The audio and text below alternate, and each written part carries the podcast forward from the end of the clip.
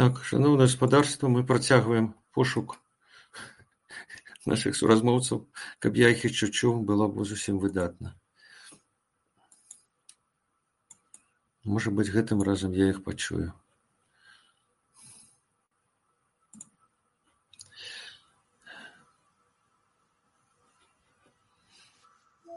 Ольга?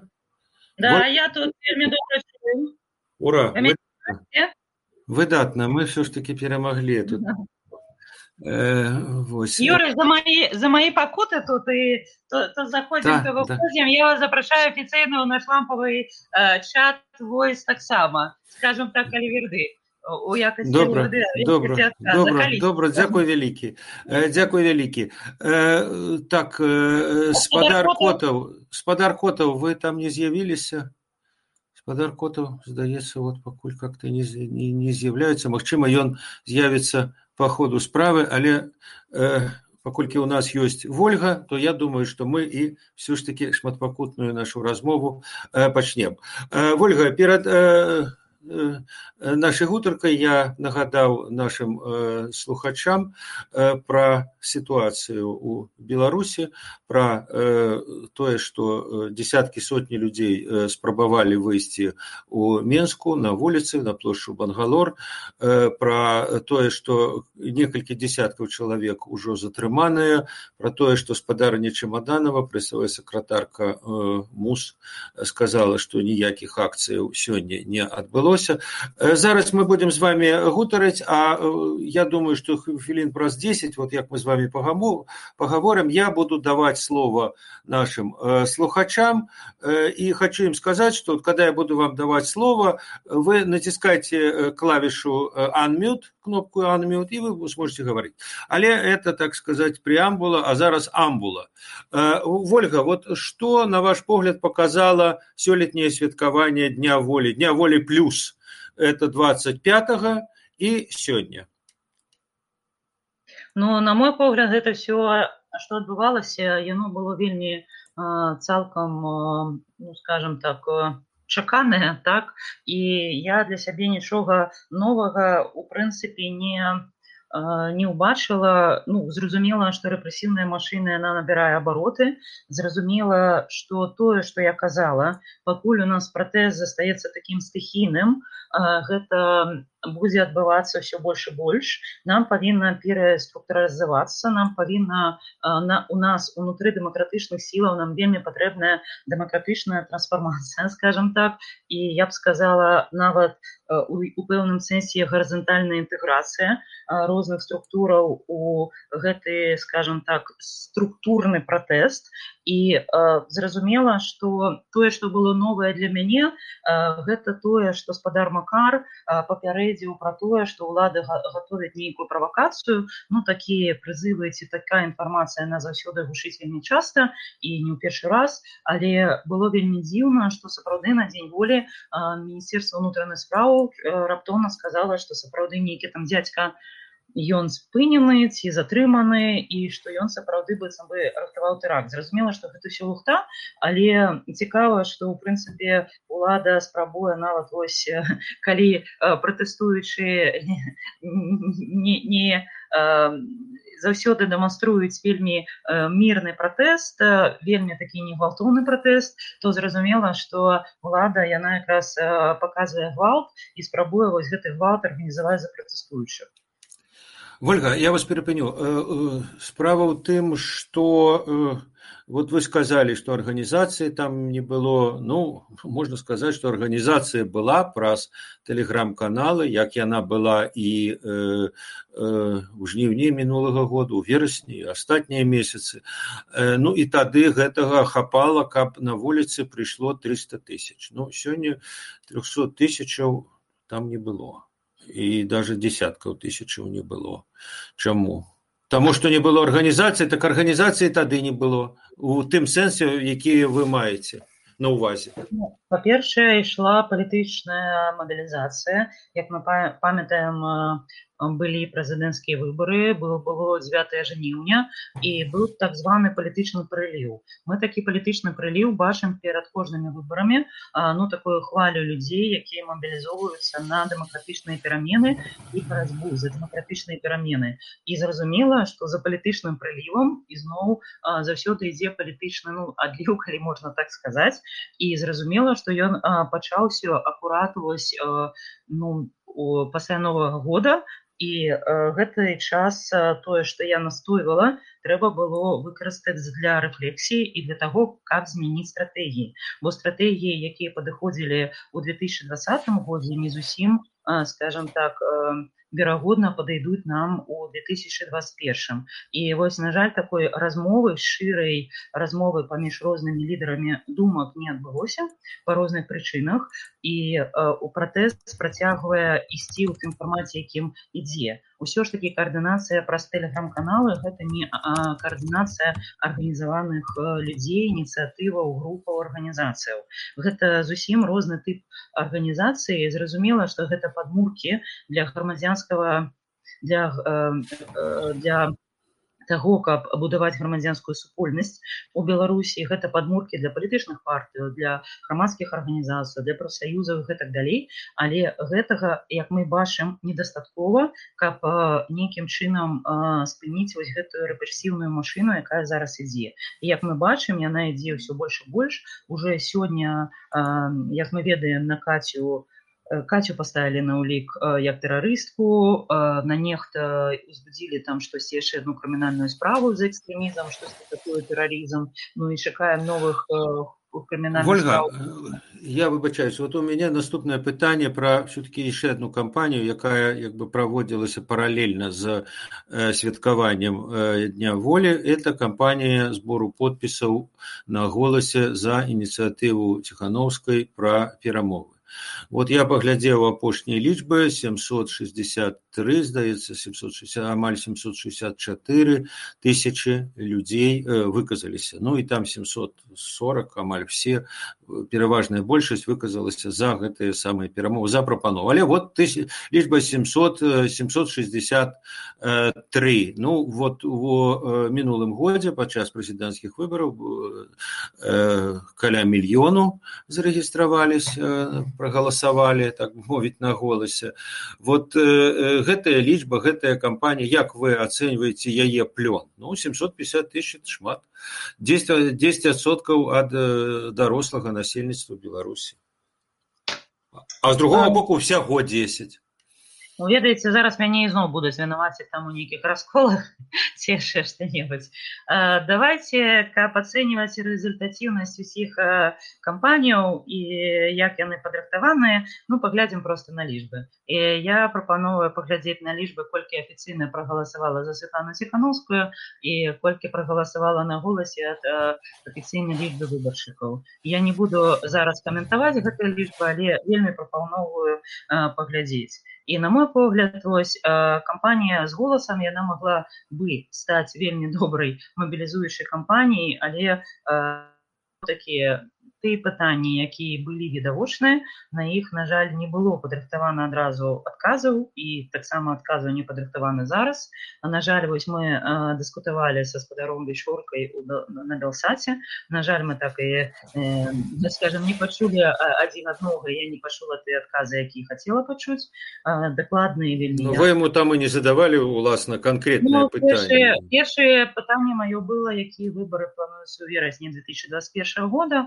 я ўжо казала што мяне вельмі турбуе што гэтая дата скажем так супадае з мясцовымі выбарамі 2021 года запланаванымі лідзімошанай і грошай закладзеныя у нацыянальным бюджэце Рэспублікі Беларусь менавіта там ну скажем так прыхільнікамі лукашэнкі Ольга, я вас не зусім зразумеў вы вы як бы з францішкам абмяркоўвалі вот это пытанне так. Але пытанне, якое выносілася вот на это галасаванне, это перамовы. ну на перамовах як пойдуць перамовы? На перамовах магчымыя кампрамісы на перамовах магчымыя у абодвух бакоў пазіцыі западу а потым яны да, да, дамовяцца пра нейкі кампраміс. А вы хацелі каб ужо вам выклалі... пытанне які кампраміс можа быць у пытанні ці застаецца лукашенко ва ўладзе ці не які кампраміс вы бачыце з боку лукашэнкі які кампраміс вы бачыце з боку дэмакратычных сілаў вось менавіта ў гэтым пытанні я ў дадзеным выпадку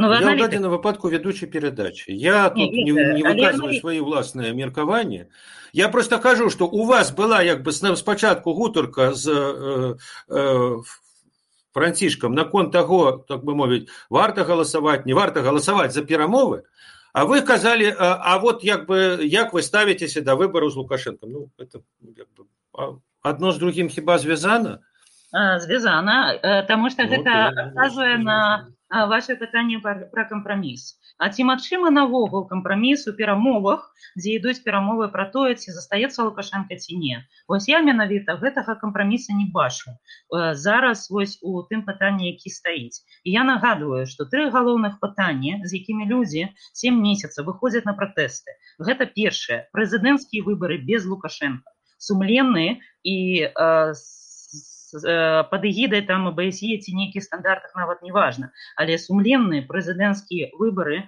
без лукашенко. Першае другое. Э, спыненне гвалту. І трэцяе свабода ўсіх палітвязняў і тым ліку тых хто зараз знаходзіцца ў турме па палітычных прычынах і скажитеце дзе тут можа быць кампраміс выпусціць палітвязняў і пакінуць лукашенко? Э, лукашенко заходит ну, это ваша это... Я таму і кажу, што тут, тут мне вельмі ёсць пытанні грамадства ці частка грамадства я зразумела што не все гэтыя пытанні задаюць але зразумела што мне хацелось пачуць адказ дзе тут кампраміс і дзе тут тая чырвоная лінія якую э, скажем так у перамовах людзі праходзяць ці не і мне падаецца ну, што прызываць да голаса і да галасавання э, цалкам цікавая і э, вельмі перспектыўная ідэя я пагаджаюся з гэтым але э, спачатку трэба менавіта абазначыць для сябе чырвоныя лініі куды мы не пойдзем ідзе кампраміс для нас немагчымы не з усімі трэба дамаўляцца і не пра ўсё трэба дамаўляцца і Воля. не пра ўсё трэба шукаць кампраміс разумею Волька але так як вы себе ну я ізноў ж кажу я ў дадзеным выпадку як бы не удзельнік ваших спрэчак але э, э, так як вы себе это вот уяўляеце да э, это перамовы э, у іх ёсць пэўны жанр он так э, мае на назву это жанр капітуляцыя я так разумею что вы выступаете только за одну форму перамоваў з лукашенко это э, за то каб ён капітуляваў так ну а что Я зразумею ну тады за... а, але другі бок але другі бок відавочна відавочна і ў тым ліку і міжнародная супольнасць Мачыма мае пад этим нешта іншае і вот магчыма у вас просто з імі ёсць супярэчнасці Ну што ж яны палітык вы палітык так вот вы фіксуеце этой супярэчнасці Э, я думаю что у мяне ёсць супярэчнасці з рэжымам лукашэнкі ў першую чаргу Таму что лукашенко хоча капітуляцыя з нашага боку і ён не хоча ніякіх кампрамісаў з нашага боку мы хочам яго капітуляцыі і зразумела для нас немагчыма каб ён заставаўся і гэта галоўны канфлікт які зараз у мяне ёсць людзі ці іншыя групы могуць там скажем становіцца на бок лукашэнкі ці станавіцца на мой бок гэта іх права і я прымаю іх выбор але тут тут пытанне такое ці застаецца лукашенко ці не і калі мы кажам про кампраміс то давайте казаць про про кампраміс як ён выглядае але кажам вельмі прама і без усялякіх там эфемізмаў і без усялякіх там нейкіх э, ведаеце прыгожых словаў кампраміс по поводу зыхода лукашэнкі які ольга но словы ведаеце ведаеце словы вот тут ведаеце кожны жанр вымагае пэўнай сітуацыі умоўно кажучы калі кейталь подписываў капітуляцыю с там жукавым і зхавером то э, он подписывал тому что немецкая армия была разгромлена вся цалкам так вот э, наколькі я разумею что э, перамовы в вашем разумении это э, калі вы выйграеце калі вы разаб'ёце цалкам разгроміце другой бок а тады ўжо можна перамовы весці а вот наколькі я разумею скажем команда ціхановскай перамовы трактуе не так перамовы трактуе як частку вот этого палітычнага працэса а не тое што спачатку мы як бы разаб'ём праціўніка а потым ну перамовы так сказать урачыста ён как кейтель подпіша так сказать капітуляцыю но он не в стане кейтеля мягко кажучы але ведаеце я жыву с лукашенком 26 гадоў гэта вялікі вялікі тэрмін і мне падаецца што у прынцыпе я добра ведаю яго рэакцыі і сітуацыя такая што лукашенко пойдзе на перамовы толькі ў адным выпадку гэта умовы на якіх ён застаецца калі яму яшчэ заплоціць грошы каб ён застаўся і гэта адзіная умова па якой ён можа размаўляць і ён не будзе зараз размаўляць менавіта пра тое каб зысці і нейкія гаранты там свайго заходу ці вы думаеце інакш я ізноў кажу я в дадзеным выпадку не удзельнік спрэчкі я модератор я веду эту передачу а давайте мы теперь э, к сожалению мне показалось ну видимо все-таки репрессивная машина действует очень сильно достаточно многие люди уже сдаются это я хотел бы вот узнать у вас, вот вы как считаете, то есть э, какое будет дальше развитие протеста? Ну, возможно ли будет как-то восстановить только, ну, хотя бы ну, не знаю, там несколько тысяч, что было участников, да, митингов, как-то давление на Лукашенко или... Ольга. Угу. Ольга.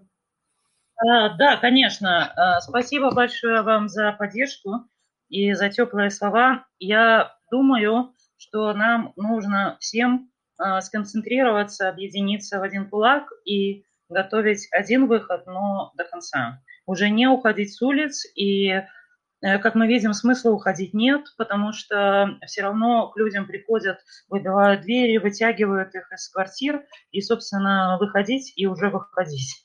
И это, это, это не моя мысль, собственно, она звучала у разных лидеров э, в разное время. А, это же обсуждалось и в Тракае в том числе, даже называлась конкретная дата, э, когда это надо сделать. И я считаю, что сейчас всем нужно максимально зажать эмоции в кулак и готовить э, не э, одиночные там акции какие-то, да, промежуточные, поберечь людей, а делать конкретно одну большую акцию и возвращаться на улицы с тем, что уже оттуда не уходить. Ну, это мое мнение.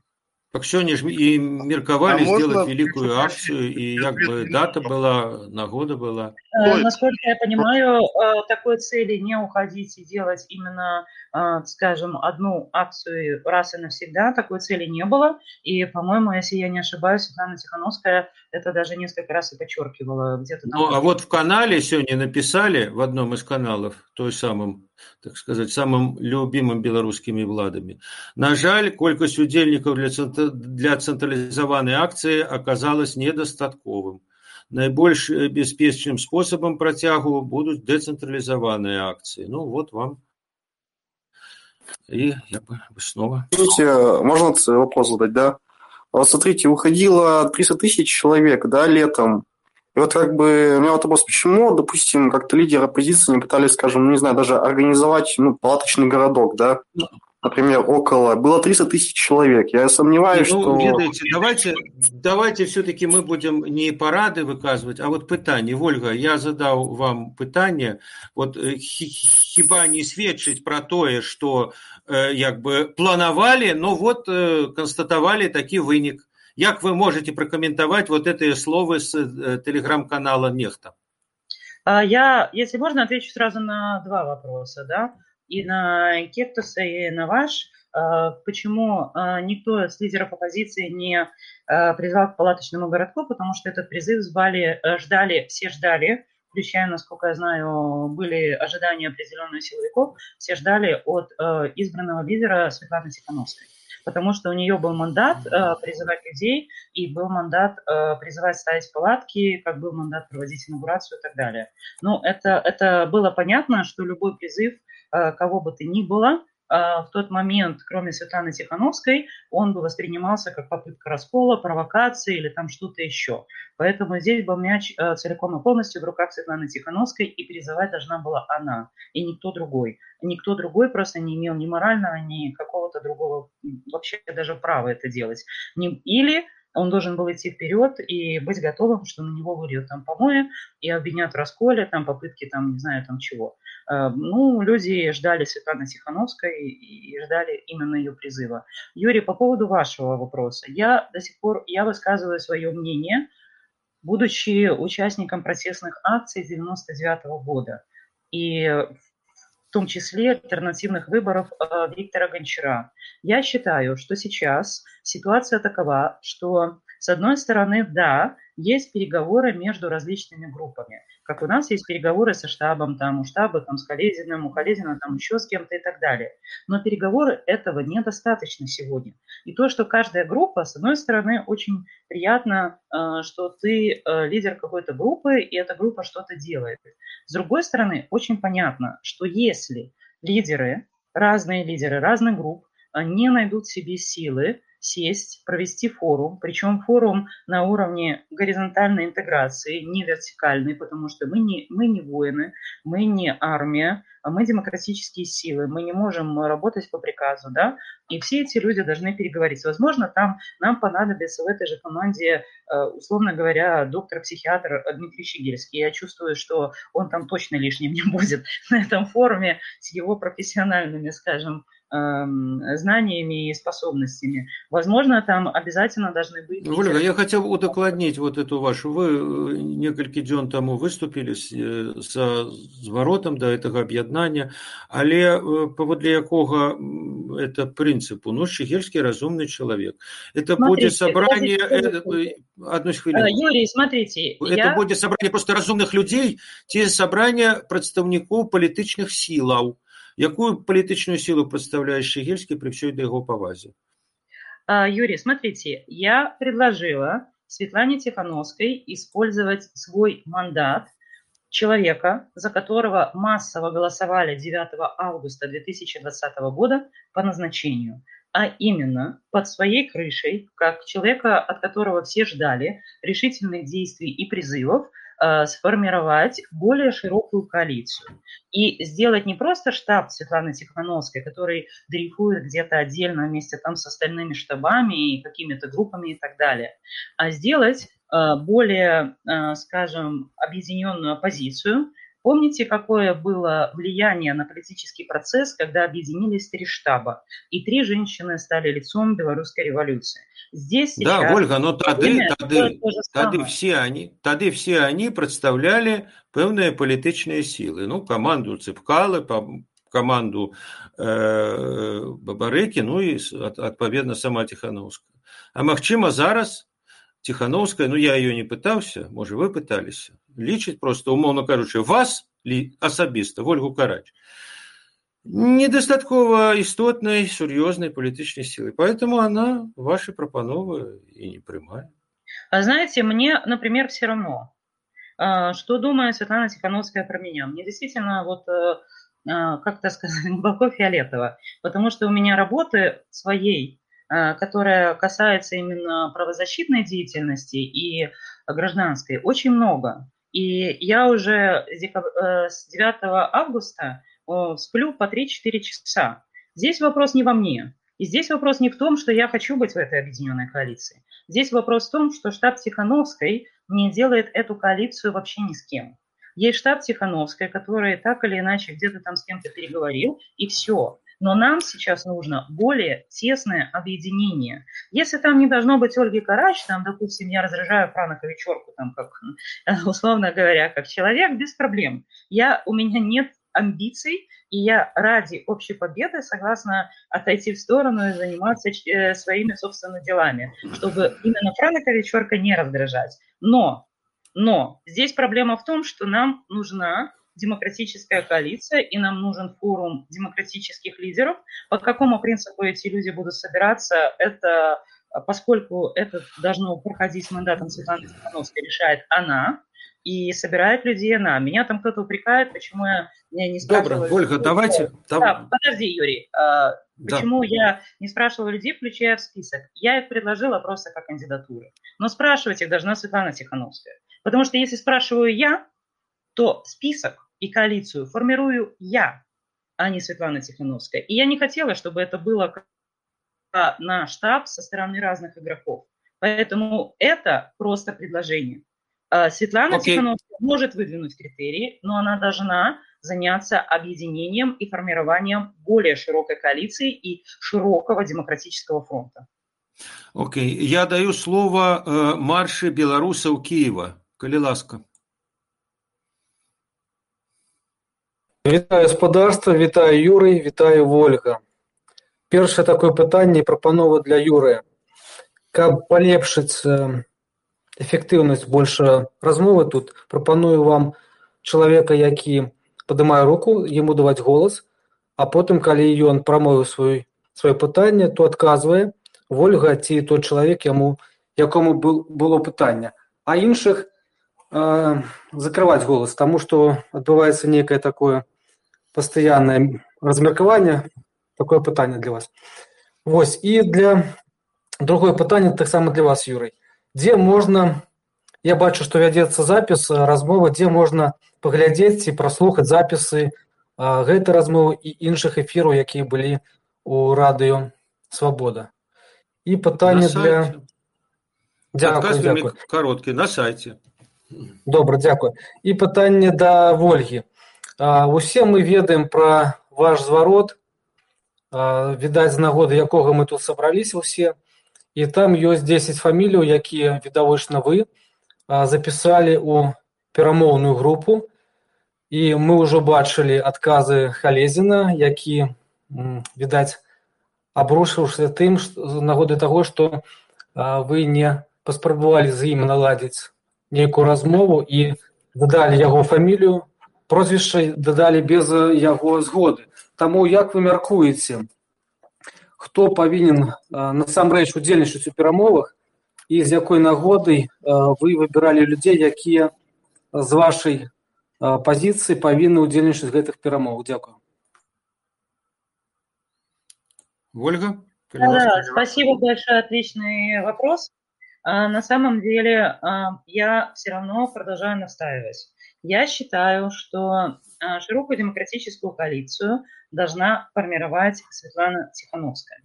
И я не спрашивала людей, я это делала сознательно, именно потому, чтобы это не выглядело как, знаете, такая широкая атака да, на Светлану Тихановскую э, в плане того, что там идет какая-то группа людей, ее там душить или, не знаю, там заставлять работать. Это люди, которых я включала в список, в том числе, вы знаете, с Николаем Полезиным и Владимиром Маскевичем у нас не самые простые отношения. Э, мало того, э, я включала в список, в том числе и э, Татьяну Мартынову изначально, потому что, хотя у нас тоже отношения не самые простые с ней, потом, правда, там много людей, которые там меня убеждали этого не делать, и как-то в итоге Татьяна Мартынова как-то подумала и все-таки убрала и оставила это на откуп Светлане Тихановской, но тем не менее, я считаю, что нужна широк, нужен широкий демократический фронт. И есть штаб Тихановской, окей, он работает, и есть еще другие группы. Но проблема в том, что сейчас э, есть какая-то коммуникация между нами всеми, это правда, но нет э, такой четкой координации. Владимир Мацкевич написал довольно хорошую дорожную карту, и я ее наконец-таки всю прочитала. Я считаю, что там есть рациональное звено, и несмотря на то, что за Владимиром Москевичем, конечно, нет политических структур или каких-то групп активистов, тем не менее, например, как методолог, я считаю, он был бы очень полезен. Да? Э, соответственно, Николай Халезин, он человек, который очень много занимается санкционными вопросами.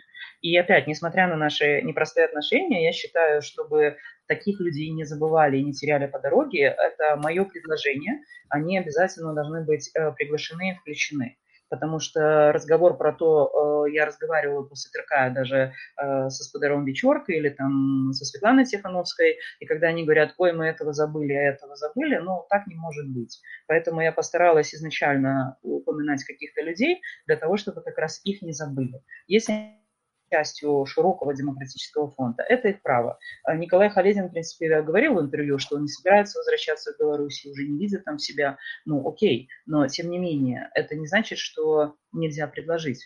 Это не значит, что нельзя, э, нельзя каким-то образом э, все-таки обратить внимание, что этот человек делает довольно много. И я бы хотела сказать, вот сейчас идет конституционная реформа, э, предложенная Анатолием Лебедькой, тоже обсуждается Конституция. А я бы хотела вспомнить американскую конституцию. Первой поправкой, первой, э, вторая поправка – это свобода слова, я хочу подчеркнуть. А первая поправка является право любого гражданина обратиться к своему правительству. И получается, что даже обратиться к Светлане Тихановской почему-то я не имею права. То есть по, по американской конституции, да, ну я понимаю, в Беларуси конституции нет сейчас, и мы по конституции не живем. Но тем не менее, получается, получается что э, кто должен этот призыв э, озвучить? Я семь месяцев ждала этого призыва штаба Светланы Тихановской, что они начнут этот процесс формирования широкого демократического фронта. И повторю, здесь вопрос не во мне. Я могу не быть частью этого процесса, абсолютно нормально себя при этом чувствуя, потому что мы очень много занимаемся репрессированными и пострадавшими. К сожалению, там слишком много работы. И мне там работы точно хватит и надолго. Но Здесь вопрос в том, что сейчас все жители Беларуси, я получила массу очень позитивных откликов, нас завалило просто благодарностями от разных людей. Они говорят, наконец-то нас услышали. Мы так хотим, мы так хотим, чтобы шла единая повестка и чтобы лидеры все-таки шли в неком общем э, ключе и в некой общей коалиции. И люди в Беларуси этого ждут вот здесь, под репрессиями, когда выбиваются двери, когда людей вытягивают за волосы, когда отбирают детей, они ждут. Они ждут от лидеров очень ясного сигнала о том, что мы не сдаемся. И вот наша разрозненность – это как раз сигнал белорусскому народу, что лидеры сдались, и каждый занялся своими какими-то мелкими, сугубо частными вопросами. А я хочу, чтобы мы не сдавались, и мы шли вместе до победы. Добра, добра. На этой, як той казаў аптымістычнай ноце мы я думаю на сёння і скончым но у нас атрымалася не столькі абмеркавання бегучай сітуацыі не столькі абмеркавання дня волі колькі абмеркавання прапановы э, вольгі і як бы э, ступені адзінства э, лідараў пратэсту але я думаю што таксама дыскусія атрымалася даволі плёнай і цікавай так што дзякую всім за ўдзел вользе найперш дзякуй вам вялікі вот аўдыо і кароткія тэзісы можна будзе потым паглядзець на сайце свабоды і ў тэлеграме свабоды ўжо будзе і ў тэкставым выглядзе можна будзе паслухаць этую нашу сённяшнюю гутарку так што ўсім дзякуй вялікі да пабачэння дзякуй вялікі і жыве